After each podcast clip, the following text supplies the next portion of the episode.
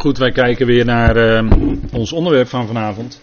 En met deze volgende, met dit volgende plaatje heb ik bijgezet de tekst die we al gelezen hebben met elkaar, de tekst uit Filippenzen 1. Dat God dat werk zal voltooien. Niet alleen aan de Filippenzen, maar ook aan ons, aan u en mij. Tot aan de dag van Jezus Christus. De dag van Jezus Christus. En als we iets verder lezen in dit eerste hoofdstuk, dat hebben we ook gelezen met elkaar vanavond. Filippenzen 1 vers 10, daar wordt gesproken over de dag van Christus.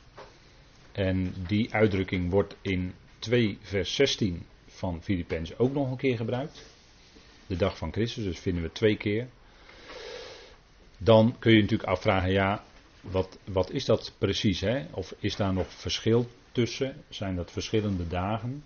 Of uh, ja, hoe moet ik dat eigenlijk zien? Want die zulke soort uitdrukkingen worden nog wel meer gebruikt. Dat zullen we nog wel gaan zien met elkaar. Nou, laten we allereerst even vaststellen, als het gaat om de dag van Christus, dan dat Christus betekent eigenlijk gezalfde. Het is een titel. Christus is geen naam, maar het is een titel. Hij is de gezalfde. En dat verwijst natuurlijk naar de zalving van koningen en priesters, vooral. En profeten in iets mindere mate. Profeten lees je maar heel weinig dat ze gezalfd werden. Aan geloof ik. Als ik het goed heb. En de, die titel gezalfde verwijst naar zijn verheerlijking. En vandaar dat Paulus heel vaak gebruikt Christus Jezus. Dus dan keert hij het eigenlijk om, hè? niet Jezus Christus, maar Christus Jezus. Dan staat zijn titel, gezalfde, van verheerlijking, staat voorop. En dat betekent dat en dat stemt ook natuurlijk helemaal overeen met de boodschap die Paulus te brengen had. Dat was het evangelie van de heerlijkheid van Christus. En dat wil dus zeggen dat, dat het goede nieuws is dat Christus nu aan de rechterhand van de Vader gesteld is. Door Vader zelf. En dat wij hem ook als zodanig gaan erkennen. En dat, dat wat ik net zei, dat is niet onbelangrijk. Dat is juist heel erg belangrijk. Juist in het verband met de dag van Jezus Christus. Juist in het verband met onze wandel en dienstbetoon. Het dienstbetoon gaat het vooral om in Filippenzen. En dat dienstbetoon, dat zouden wij doen in een ootmoedige gezindheid. He, ootmoedig, dat weet u, dat betekent laag. Tapeinon in het Grieks, dat betekent laag. En dat betekent dus dat je jezelf niet verheft, maar dat je jezelf schikt. Of moet ik zeggen, dat je je onderschikt. als je je kunt onderschikken, echt, en dat, in dat woord onderschikken, daar zit iets vrijwilligs in. Wij hebben geen vrije wil, maar als je je onderschikt, dan is dat iets wat je, zeggen we dan altijd tegen elkaar, wat je doet op vrijwillige basis. God dwingt geen onderschikking af. God dwingt niet. Dat is ook niet wat de geest doet, want waar de geest van de Heer is, daar is vrijheid. Daar hebben we natuurlijk ook weer met die. Ja, ik kom weer terug op die gelaten brief. Hè. Wat is dat toch een fantastische brief? Want daar hebben we natuurlijk zoveel uit mogen leren.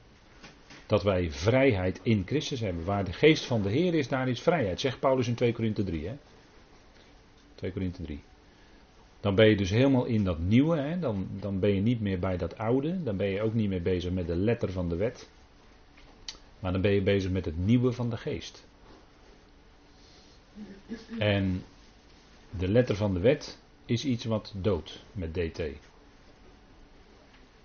Maar de geest geeft leven. Geest is altijd leven. En de ziel is altijd verbonden met het bloed. Maar nu ben ik weer bezig met onze studie van openbaring van vorige week. We hebben deze dingen ook met elkaar gezien. Leven is in de Bijbel altijd verbonden met geest.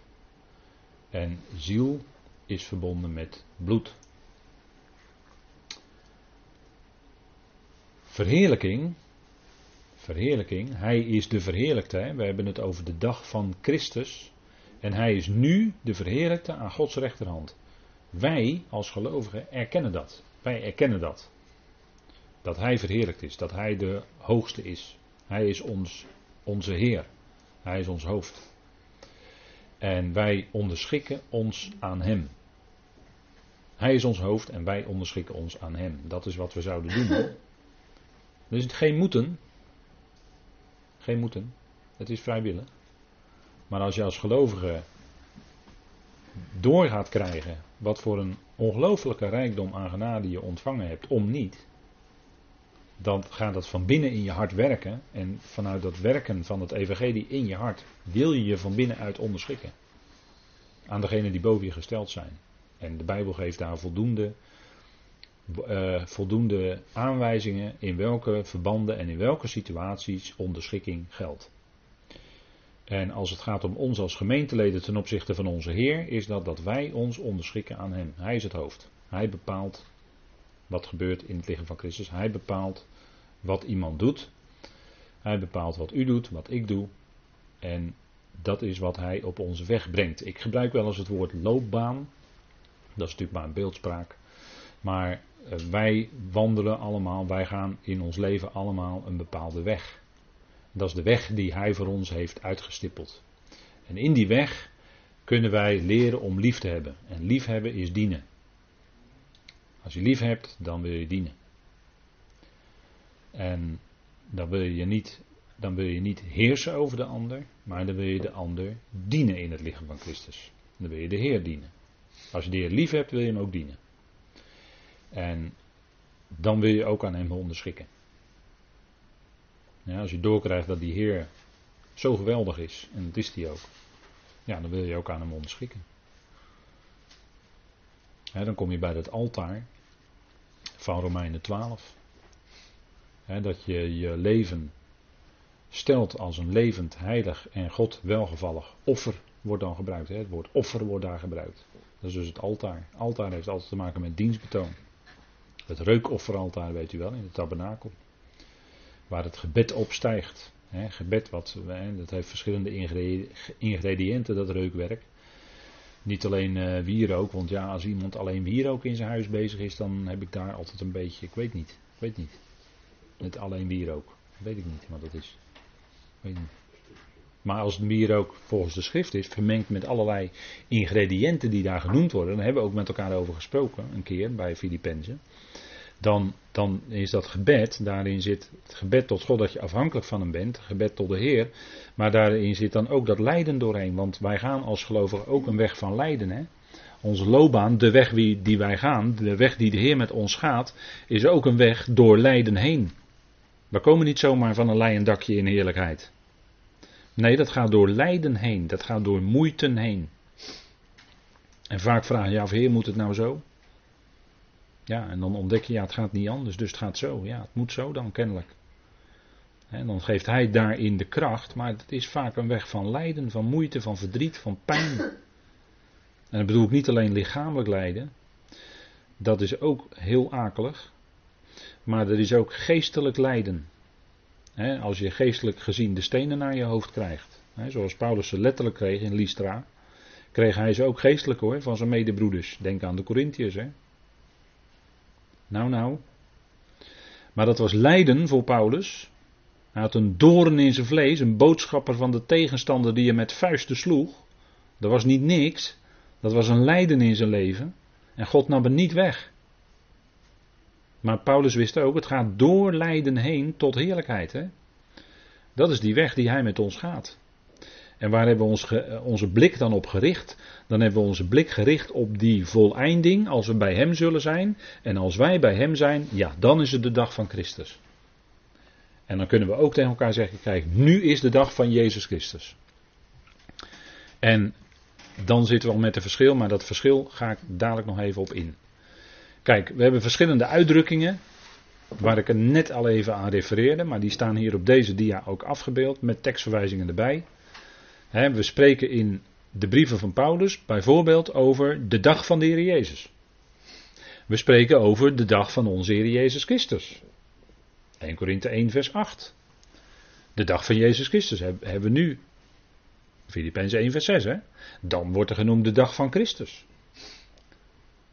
Paulus heeft het ook diverse keren over die dag. dat de Heer hem zal tegemoetkomen, of de Heer zal het hem geven in die dag, zegt hij dan.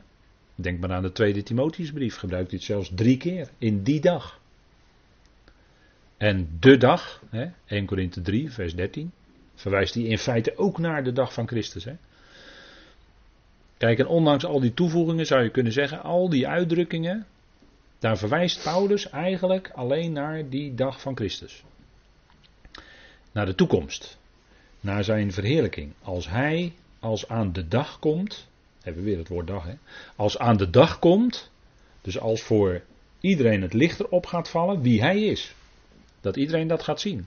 Als zijn heerlijkheid bekend wordt gemaakt. Als de Christus. Als dat hij werkelijk de gezalfde is. Dat hij werkelijk de koning van de koning is. De profeet, de priester. Waar alle anderen bij verbleken. Dan zal hij erkend worden als de hoogste. Dat is de dag van Christus waarin blijkt dat hij de Christus is. Die dag. En dan wordt het eigenlijk heel breed. Dat is wel verrassend hoor. Dan wordt het heel breed, want kijk, in de dag des Heren, daar weten we dat begint met ernstige gerichten. Maar dat wordt onder auspiciën van de zoon ook gedaan. Hè? Want God heeft aan de zoon al het richten gegeven, hè? Johannes 5. De zoon is de richter. Dus dat gaat die, die gerichten waarmee de dag des Heren aanbreekt. Dat is ook wat hij doet. En daar heeft hij dan ook boodschappers voor enzovoort, hè, die hij inzet. Maar goed, hij voert dat gericht uit. Dat wil zeggen, dan, dan zal de wereld, dan zal de schepping gaan erkennen dat hij de hoogste is. Hè? Dat is Jezaja 2. Dat haal ik regelmatig aan. Waarom? Omdat ik een geweldig hoofdstuk vind. Omdat daarin duidelijk wordt gemaakt dat de dag des Heren zal komen tegen alle hoogheid van de mensen. En die mensen die zullen dan ook verlaagd worden en hij zal verhoogd worden. In die dag zal hij hoog zijn.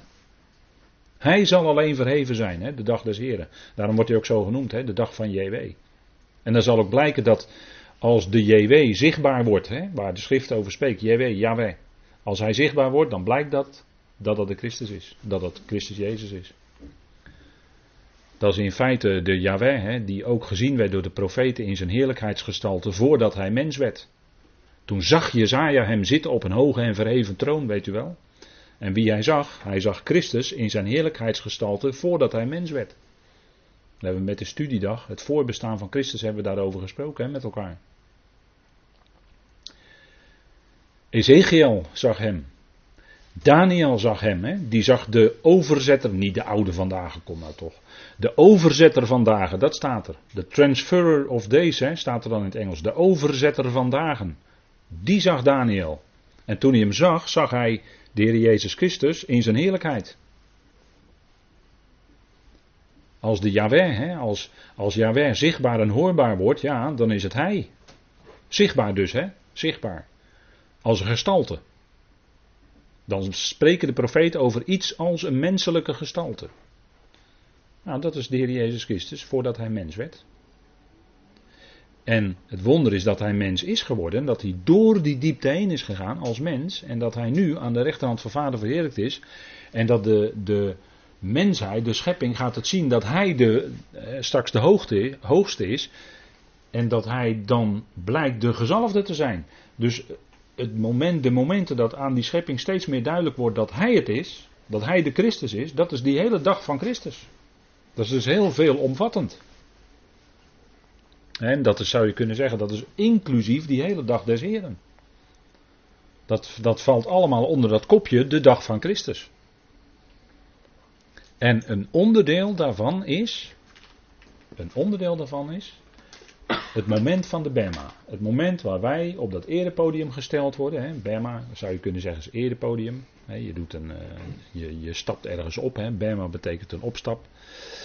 Of een stap-effect is het letterlijk. Maar je stapt ergens op en dat is, zeggen wij altijd, een erepodium. En wat gebeurt daar? Daar zal de Heer dan beoordelen wat wij door het lichaam hebben verricht.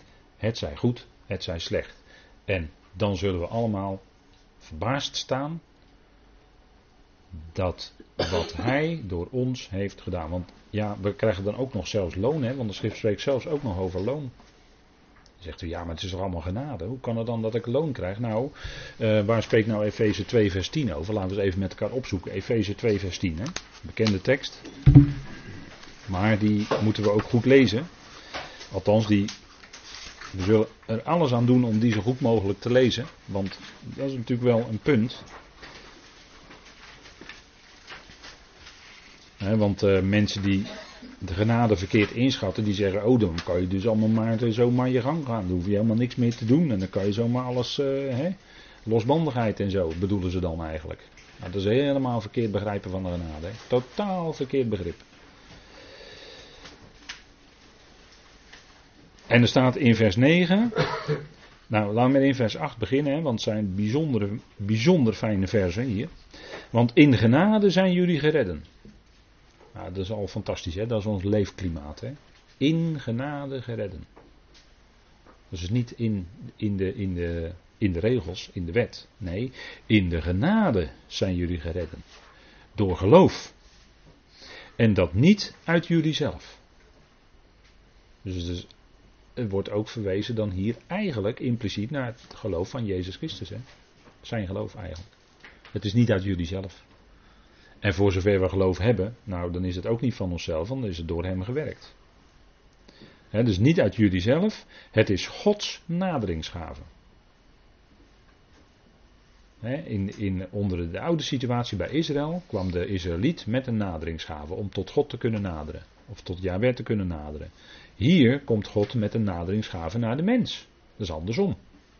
Je ziet hij de overmaat aan genade hier. Hè?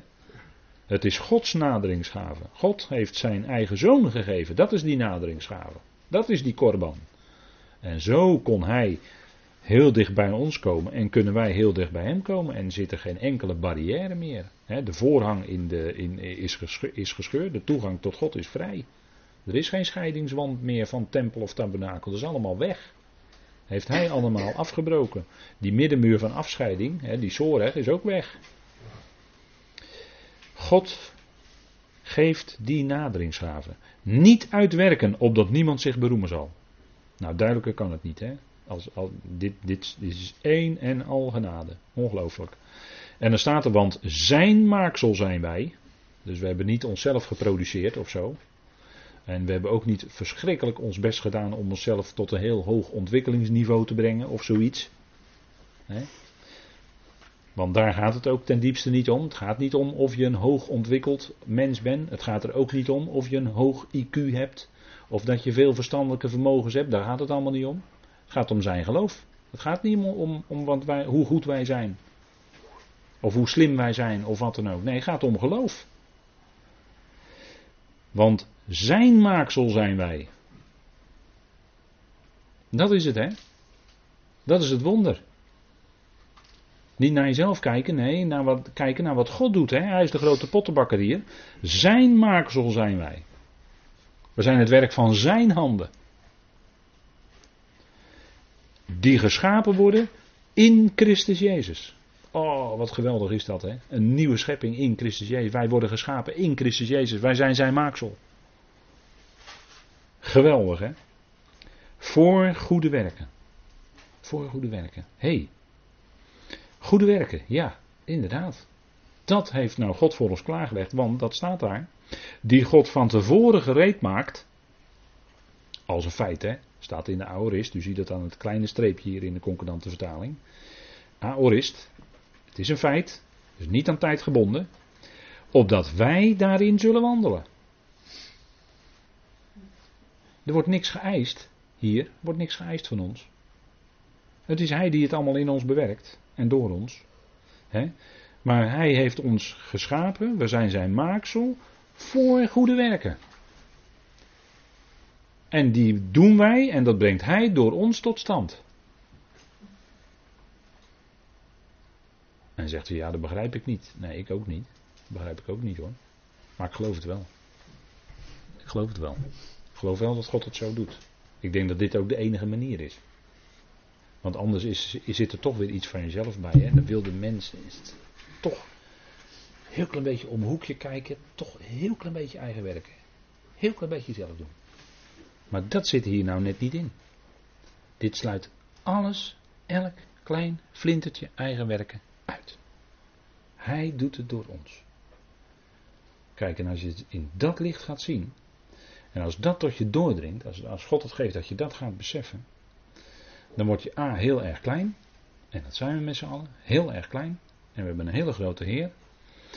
En dan word je tegelijkertijd ineens ook een heel ootmoedig mens van.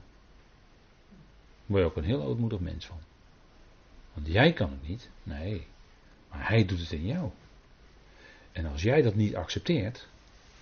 Goed, je zit in een proces. God met, gaat met jou door een proces. Ja. En als jij dat niet accepteert, zou je dat tegen verzetten. En zou je toch nog iets van eigen werk in rekening willen brengen. Goed, en misschien ben je daar je hele leven dan van overtuigd. Dat je ook een deel zelf doet. Dan kom je bij de Bema en dan ga je bij de Bema ontdekken dat niet jij het had gedaan, maar hij. Dan zal hij het bij de Bema aan jou duidelijk gaan maken. Als, niet, als je het niet tijdens je leven er niet toe kan komen om dat te accepteren, dan zou je het bij de Bema gaan accepteren. En dan kun je dat door, door enorm doorschijnende licht, hè, de Bijbel spreekt ook over vuur, hè, als een beeld van het richten wat de Heer doet, hè, het louteren wat de Heer doet. Dat zal ook bij de Bema gebeuren met ons, hè, het louteren. Want dan zal alles weggebrand worden wat nog tussen ons als broeders en zusters in stond of zat. Of lag. Dat gaat dan allemaal weg. Dan gaat de Heer dan allemaal weghalen. En dat richten van de Heer, dat zullen we dan kunnen verdragen. Waarom? Omdat we niet in onze oude tentwoning nog zijn, daar. Maar we zijn daar al in dat gebouw wat God ons geeft, dat nieuwe verheerlijkte lichaam. En dan kunnen we dat richten van de Heer wel verdragen. Nou, zoveel wijsheid, ik vertel het aan u, maar zoveel wijsheid, dat kan ik niet bedenken hoor, allemaal natuurlijk. Want ik vertel u dingen die in de, in de brieven van Paulus staan. En die wijsheid, hè, met die wijsheid doet God dat. En, en dat, dat zetten we dan af en toe, proberen we een klein beetje op een rij te zetten. Met uh, al onze beperkingen. Maar dat zal gebeuren onder andere in die dag. Hè. Kijk, als we het hebben over de dag van Christus, dan is dat heel veel omvattend hoor. En het aspect voor ons, daar hebben we het nu even met elkaar over gehad. Die Bema, dat is dan specifiek de gemeente. Daar is geen veroordeling. Daar komt geen zonde van u meer aan de orde. Dat kan niet, dat is onmogelijk.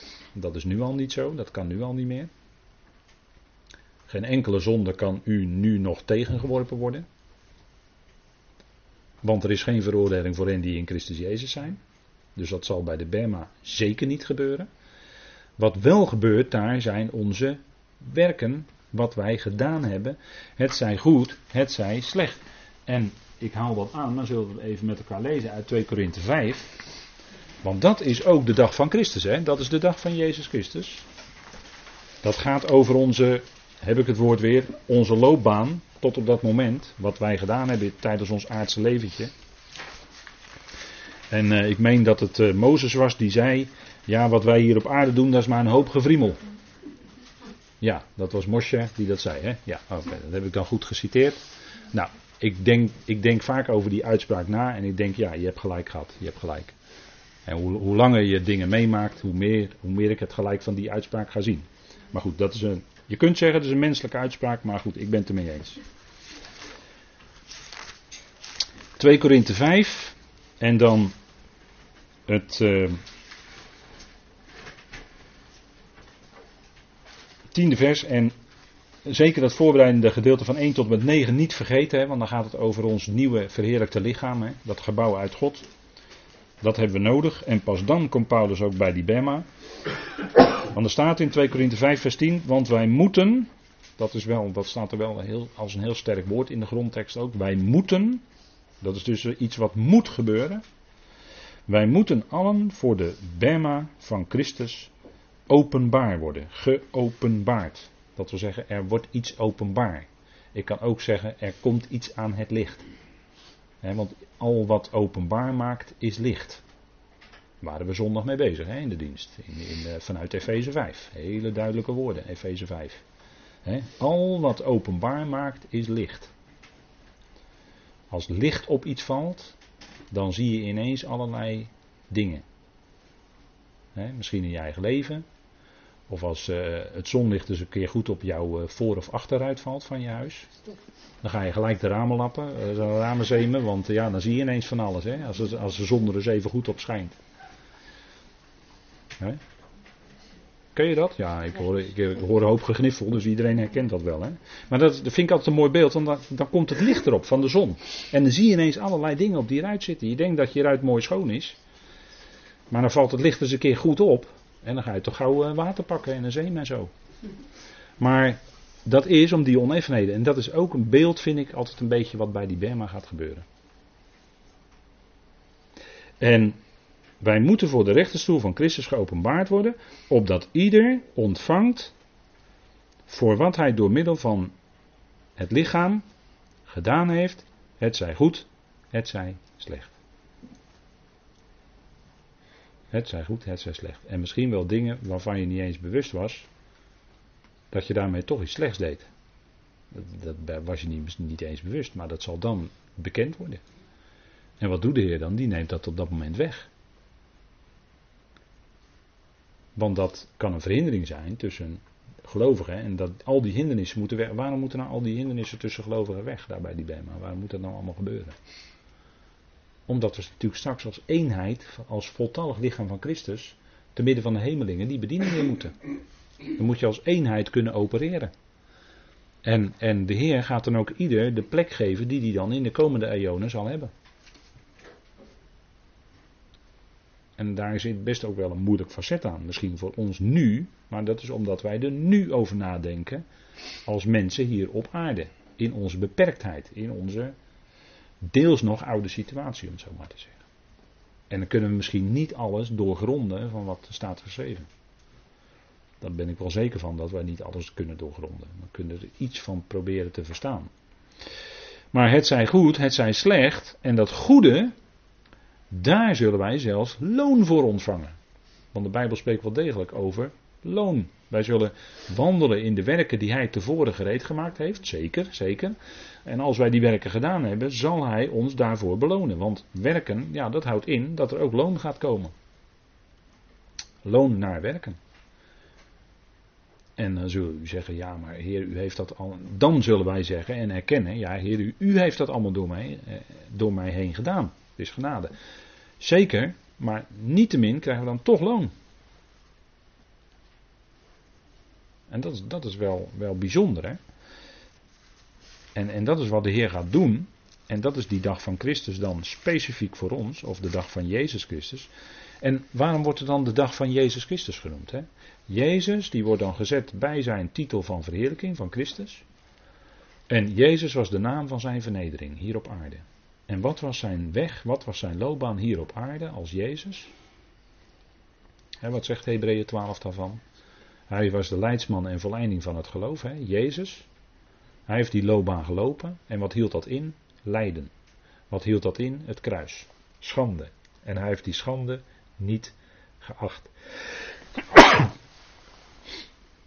Omdat hij zag op de vreugde die hem in het vooruitzicht was gesteld.